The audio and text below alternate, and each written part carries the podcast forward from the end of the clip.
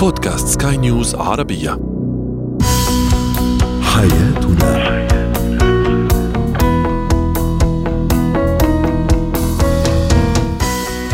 مستمعينا الكرام أهلا بكم إلى برنامج حياتنا برنامجكم اليومي الذي يعنى بشؤون الأسرة وباقي الشؤون الحياتية الأخرى والذي يمكنكم الاستماع اليه عبر منصة البودكاست لسكاي نيوز عربية. معي أنا طيبة حميد.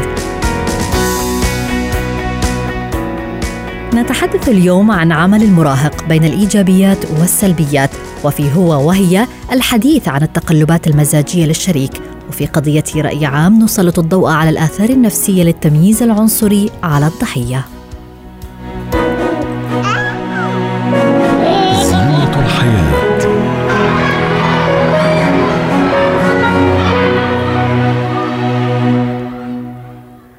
نتحدث عن عمل المراهق سواء كان خلال الدراسة أو في العطلة الصيفية.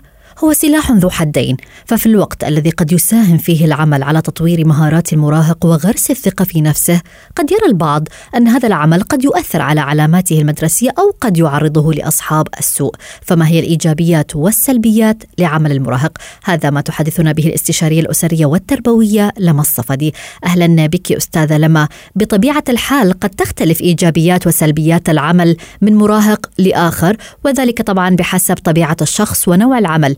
ولكن في البداية يعني دعينا نتحدث عن فكرة العمل. ما هي أهمية العمل للمراهق وهل يجب أن نشجعه على ذلك؟ إيه، أكيد طبعا. نشجعه وفق ضوابط معينة. إيه، فكرة العمل بأن المراهق بفترات معينة يكون هو بحالة ضياع يعني غير محدد للهدف. النقطة الثانية أحيانا أوقات الفراغ هي السبب الرئيسي للمشاكل اللي تحدث. فبنشوفه بأنه هو دائما بحالة مضطرب دائما هو أحيانا بيكون عصبي. لذلك إذا اشغلناه بشيء فيه فائدة وفيه تعلم أكيد هو موضوع جدا مهم. ولكن هناك شرطين رئيسيين. اولا ما يكون خلال فترات الدراسة قدر المستطاع. طبعا هو ربما بأغلب الدول هو في قوانين تمنع عمل المراهقين ضمن هذا العمر. ولكن في فترات الدراسة المفروض هو يكون فقط وقته كامل لدراسته واللي بعدها فترة راحه ولكن في العطل لا يمنع خصوصا العطلة الصيفية بأنه هو يكون عنده عمل. العمل هو هدف. العمل هو إنه يكون عارف إنه هو شخص منظم ومنضبط فبالتالي الإيجابيات أكيد كبيرة. جميل. طيب كيف يمكن أن نختار هذه الوظيفة الوظيفة المناسبة له وفي أي وقت بالتحديد أو في أي مرحلة عمرية؟ صحيح. الفكرة هي إنه دائما نحن نختار وظيفة معينة بكل اعتقادنا بأنها هي قادرة على تطويره. يعني ليس الهدف هو أن يقوم بعمل مثلا يحتاج جهد عضلي فقط لأنه هذا العمل هو عبارة عن عمل روتيني فقط بجهد عضلي. ولكن الأعمال الحسابية المحاسبة الأعمال اللي هي فيها أي شيء ممكن يخليه يتطور اثنين الأعمال القريبة من الواقع الملموس. يعني ممكن مثلا يذهب مثلا للتدريب في مكتب محاماة مكاتب محاسبة البيع في محلات ويمكن هي الثقافة ربما موجودة في الدول الأجنبية اللي هي ثقافة تدريب الطلاب على العمل فبنشوفهم بأنه حتى لو هم في المدرسة الأولاد بيبتدوا بتدريبهم في المطاعم الأكل السريع صحيح. أو في كاشير حتى هم يكونوا أقرب إلى الواقع. جميل، طيب كيف نعد اليوم المراهق للوظيفة والعمل؟ آه لازم المفروض الموضوع يبتدي من آه وقت فترة أقرب يعني من هو طفل. ليس بفكرة العمل ولكن هي رسالة اليوم لكل الأهل. في كثير أهل بيشتكوا بأنه أنا ابني لا يقدر النعم أنا ابني مهما أحضرت له ألعاب هو لا يفرح بها. ربما يعني ربع ساعة هو الوقت الأكثر للفرحة في لعبة جديدة. فبالتالي كثير من الأطفال فقدوا متعة الاستمتاع بتفاصيل حياتهم لأنهم لم يتعلموا ثقافة الامتنان للنعم المحيطة فينا. رسالة اليوم لكل الأهل ابتدوا من هذا العمر على تدريب الطفل بأنه ليس كل ما نريد أن نحصل عليه سنحصل عليه. النقطة الثانية إشراكه بالمهام المنزلية يعني بدءا حتى من مهام البيت. في أمهات بيقولوا حتى الأولاد هل ممكن دخولهم للمطبخ أو المساعدة؟ نعم أشهر الشيف بالعالم هو رجل. صحيح. فبالتالي يعني نحن نبدأ من هذا العمر ثم نلاحظ المراهق هو بدأ يختار التوجه الذي يميل إليه ويكون أقرب إلى مستوى تفكيره وقد يبدع فيه. طيب إذا ما تحدثنا عن مخاطر العمل للمراهق هل يمكن أن نلخص بنقاط أبرز هذه المخاطر؟ أكيد في مخاطر كثير. إذا كان هو أولا مضطر للعمل لتأمين وكسب رزقه وهذا نشوفه بالدول النامية بشدة. حتى الأطفال حاليا للأسف يعني ممكن يلجأوا للعمل لتأمين قوت يومهم أو حتى أقساط مدارسهم. فبالتالي هون في ضغط نفسي شديد وفي يعني حالة من خلق اضطراب نفسي.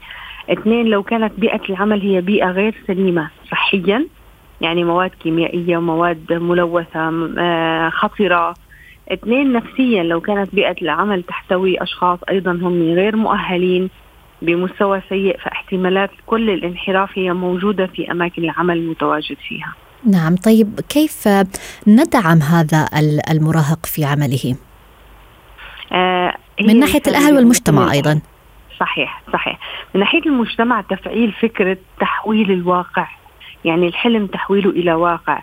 آه فكرة بأنه لابد أن يبدأ المراهق من سنوات دراسته أن يعو يعني ينضم إلى سوق العمل. لأنه نحن بنشوف حاليا للأسف أغلب الجيل المراهقين الآن نحن بنشوفهم آه، ما في عندهم مسؤولية. يعني حس المسؤولية معدوم حس الإبداع معدوم. آه، هم مأسورين فقط بأجهزة خلوية وبآيباد وإلى ما هنالك ألعاب إلكترونية. المطلوب أن يكون هذا الشخص هو أكثر عودة إلى الواقع إلى التطور الحقيقي وليس فقط الألعاب إلى ما هنالك. فاولا دور المجتمع هو تفعيل فكرة انضمام المراهقين إلى العمل. والواقع حتى لو كان تدريبي لأنه في سن محدد قانونيا للعمل. اثنين تأمين البيئة المناسبة للمراهق حتى فعلا هو يحصل على التطور. يعني أحيانا بيكون في أماكن لألعاب الأطفال لكن بتكون مصنعة في بعض الأماكن مثلا في دبي. في مكان المهن موجودة والطفل يبدأ بزيارة هذه المهن. نعم. سعادة لا توصف عند الأطفال. صحيح. خصوصا طفل مثلا كان عنده حلم يكون إطفائي. طبيب فبالتالي هاي هي الفكرة إذا استطعنا تحويلها وتحويرها مثل مبادرة الموضوع اللي حضرتك طرحتيه اليوم ممكن يكون رسالة لكثير ناس. فإذا استطعنا تحويلها فعلا إلى واقع بأنه المراهق وهو يدرس في مدرسته في الجامعة يكون في جانب عملي يستطيع لو ساعة في اليوم. فبالتالي هذا إنجاز كبير. جميل. شكرا لك على جميع هذه المعلومات الاستشارية الأسرية والتربوية لما الصفدي حياتنا.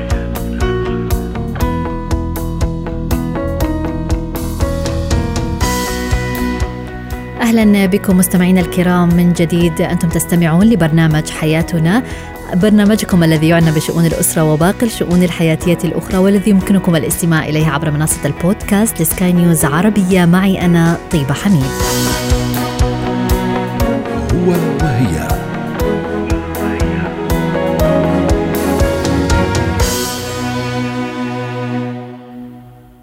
يتعرض الكثير من الأشخاص للإصابة بحالة التقلبات المزاجية. قد تكون هذه التقلبات في حدود الطبيعة أو الطبيعية ولكن في بعض الأحيان قد تتجاوز هذه الحدود الطبيعية لتصبح حالة مرضية وبالتالي ستؤثر على حياة الشخص وحياة الشريك. فما الأسباب وراء هذه المزاجية وكيف نتعامل معها؟ هذا ما تحدثنا به الاختصاصية النفسية كارين إليا. أهلا بك أستاذة كارين. المزاجية آه، كما نعلمها أو نعرفها هي عدم القدرة على ضبط الانفعالات. في البداية من هو الشخص المزاجي؟ هي عدم القدرة على ضبط الانفعالات وعدم القدرة على الاستمرار على الاستمرار بمزاج موحد لفترة طويلة. الشخص المتقلب المزاج هو الشخص يلي آه، آه، بيغير مزاجه بشكل سريع بشكل متقلب وبشكل آه، مش مرتبط بمنطق معين. يعني كل شخص منا إذا بيسمع خبر حزين بيحزن. إذا شخص كان فرحان وبتقولي له شيء أو بيتعب جسديا ولكن الشخص اللي عنده تقلبات بالمزاج مزاجه بيعمل دورة كاملة خلال النهار من المرات يلي بيتقلب فيها بين المعتدل للمزاج الانفعالي للمزاج الرايق للمزاج الحزين للشخص الهايبر أكتف لشخص غير المنضبط مثل ما ذكرتي حضرتك على مستوى الانفعالات. يعني بيقدر يعبر بطريقة مبالغ فيها أو بيقدر ما يعبر ابدا. نعم. هل هذه الحالة تعتبر مرضية؟ هلا مثل ما كمان ذكرت بالمقدمة فيها تكون مرضية وفيها تكون إذا كانت خفيفة تكون مثل ما بيقولوا هيدا شخص آه، صعب. بتقولي شخص صعب لأنه ما بتعرفي له آه، بيتقلب مزاجه. ولكن فيها تكون مرضية إذا كانت آه، دائما ما في بريدكشن للشخص اللي بوجهك. ما بتقدري تقدري تكتشفي شو ممكن تكون انفعالاته بهاللحظة. وبنفس الوقت ما فيك تعرفي كم مرة رح يتقلب مزاجه بالنهار. وبنفس الوقت الشخص المتقلب مزاجيا نفس الأشخاص يلي بيشوفهم اليوم قادر يحبهم ويتواصل معهم بشكل صحي وإيجابي. يمكن يوم تاني يتفادى وجودهم آه، يتفادى يسلم عليهم يجرب ما يحكيهم. اليوم بحبهم بكرة مش طايقهم. فممكن تكون الحالة مرضية. وبالإجمال بالإجمال أكثر الأشخاص يلي بنشوف عندهم حالات تقلب بالمزاج آه، يلي آه، يلي هن آه، بنشوفهم كثير بيومياتنا هود الأشخاص بيترافق معهم بأكثر الأحيان يا أما anxiety يا أما depression طيب يعني اليوم كيف يمكن أن تؤثر أو يؤثر تقلب المزاج في العلاقة العاطفية وفي حياة الشريك؟ كثير لأنه توضع العلاقة بحالة عدم استقرار دايم. لأنه شخص المتقلب المزاج أنا ما بعرف له كثير مفاتيحه. لأنه دائما بنقول الشريك عليه مسؤولية يعرف مفاتيح شريكه لا يعرف يتواصل معه بالشكل السليم بس يكون الشريك منفعل. أنا بضبط حالي وقت أكون رايق بطلب الطلبات وغيرها.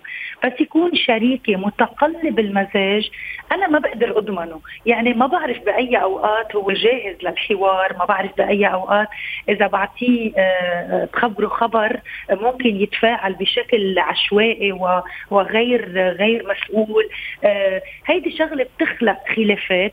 وبنفس الوقت الشخص المتقلب آه، عاطفيا أو المتقلب المزاج هيدا شخص متعب يعني بالعلاقة معه دايما أنت بجو نيجاتيف حولك.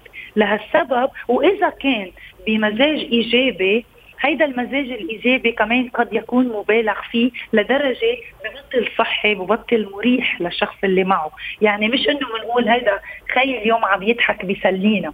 لا بيكون عم يضحك ولكن بتحسيه إنه عم ببالغ. صحيح. لهالسبب هيدي كلها التقلبات بتأثر على الثنائية وبتأثر على الديناميكية بالعلاقة. والأخطر بهالموضوع إنه الشريك الآخر ما بيكون فاهم شو عم بدور بفلك شريكه. لهالسبب ما بيكون فاهم إنه هيدا التقلب هو قد يكون ناتج عن اضطراب أو قد يكون ناتج عن ظروف آه، خارجه عن إرادة الشريك تخلق خلافات. خاصة يعني أستاذة كارين في الخطوبة.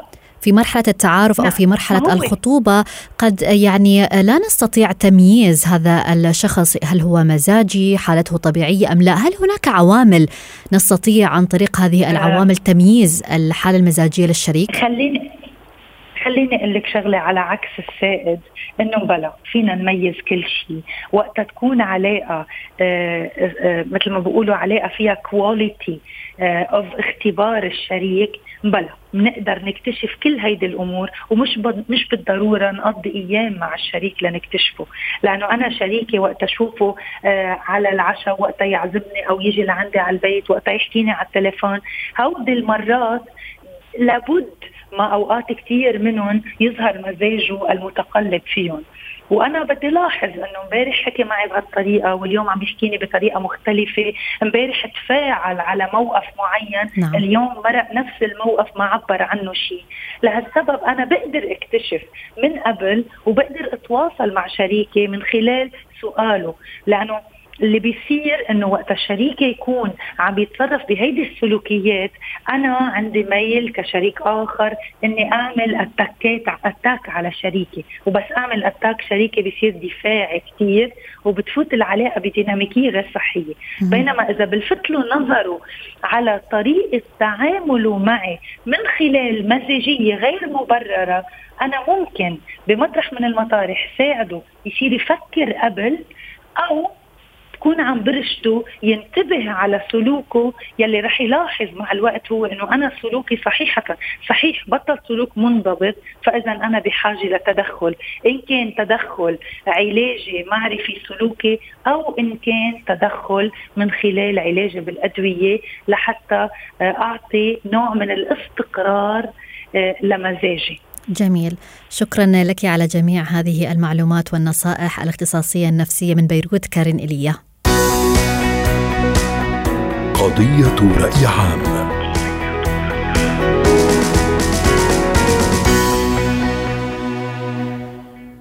سخرية ألقاب مهينة تعليقات محرجة تعنيف أو عنصرية نتيجة العرق أو الأصل أو المظهر.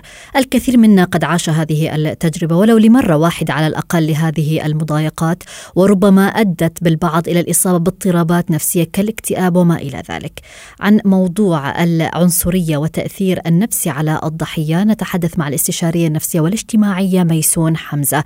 أهلا بك أستاذة ميسون.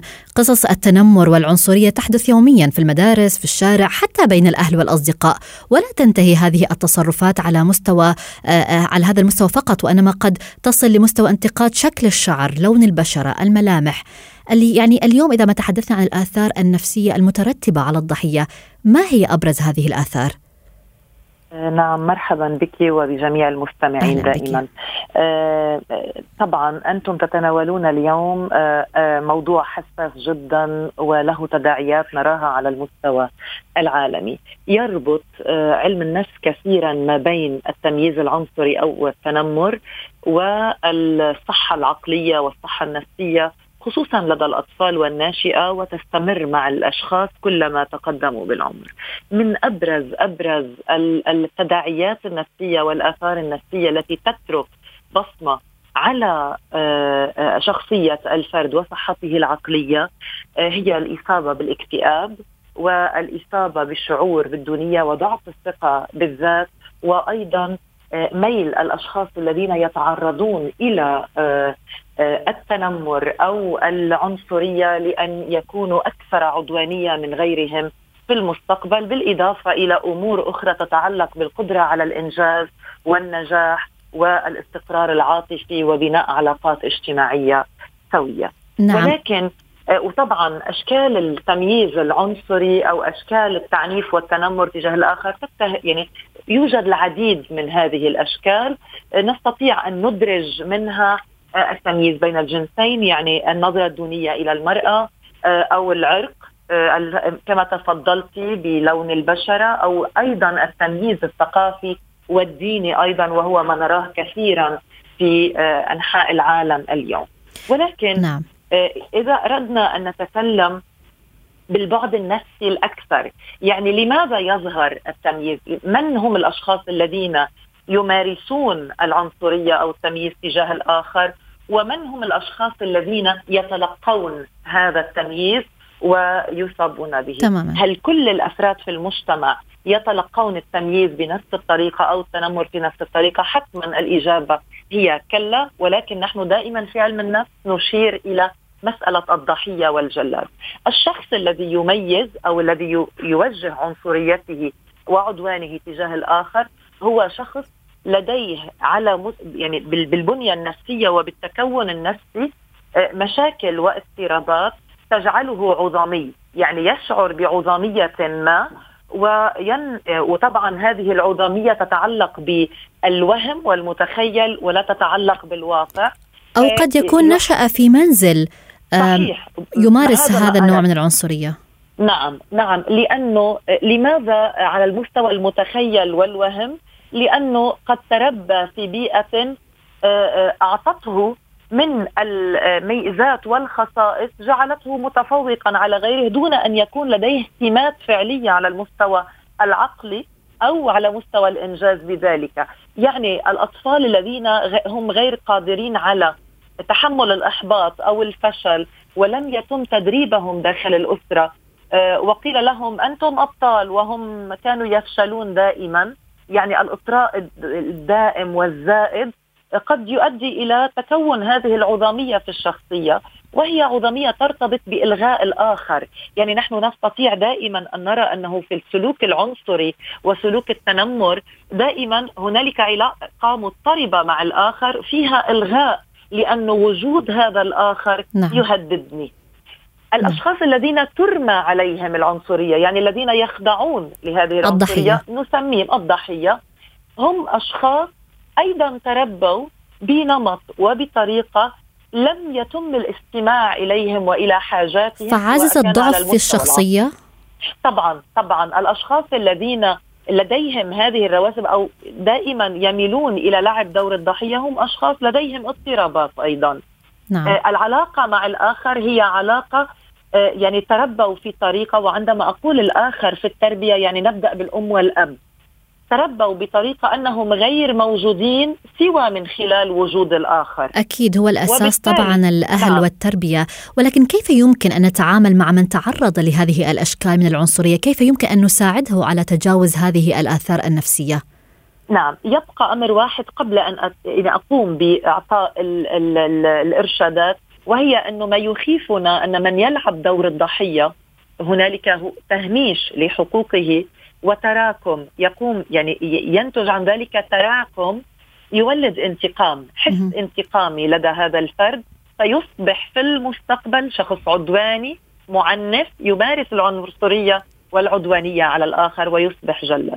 نعم. كيف يجب أن نتعامل؟ يجب أن نتنبه منذ الطفولة ومنذ نعومة الأظافر على سلوك أبنائنا. كيف يتفاعلون ضمن المجموعة؟ وعلينا أن نقوم بالتقويم والتوجيه. وأحيانا قد نصل إلى مرحلة يجب أن يكون هنالك تدخل نفسي من قبل أخصائيين. ويجب أيضا أن نعمل على أنه آه، تربية الأشخاص والتعامل مع الأشخاص يجب أن يكون أيضا رغم أنه يقوم على التنشئة القائمة على الحوار يجب أن يكون هنالك أيضا آلية الثواب والعقاب. ويجب أن يكون هنالك التزام بالقانون، يعني القانون العام، القانون الاجتماعي. والعمل آه، آه، ضمن مجموعات يعني انخراط هؤلاء الجماعات أو الأشخاص ضمن آه، عمل جماعي لأنه الشخص المعنف أو المعنف هم غير قادرين على أن يجدوا أنفسهم داخل مجموعة. نعم. وأحيانا ننصح إذا كانت الحالة متقدمة بأن يكون هنالك تدخل نفسي طبي للنظر آه، بمدى التضرر العقلي. نعم. آه، يعني الإيمان بالذات بقدرات الذات أن يخضع لعلاج نفسي طويل الأمد أو قصير الأمد. وهذا تحدده الاستشارة النفسية والطبية.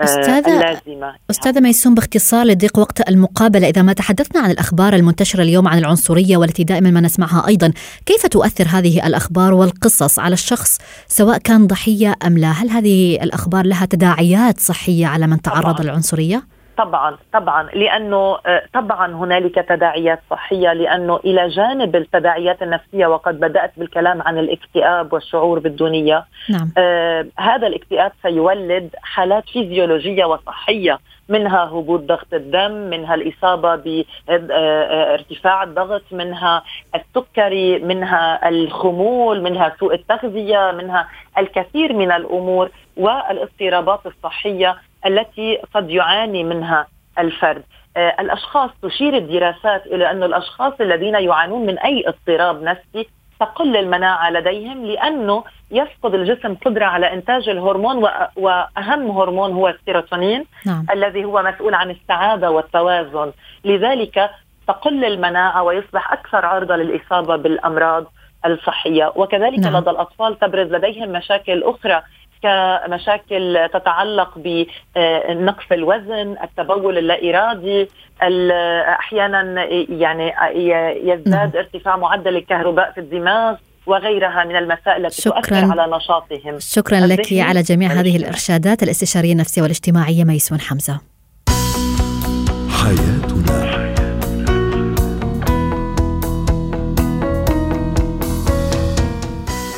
إلى هنا نهاية برنامج حياتنا. يوم الأحد يتجدد اللقاء مستمعينا الكرام. حياتنا.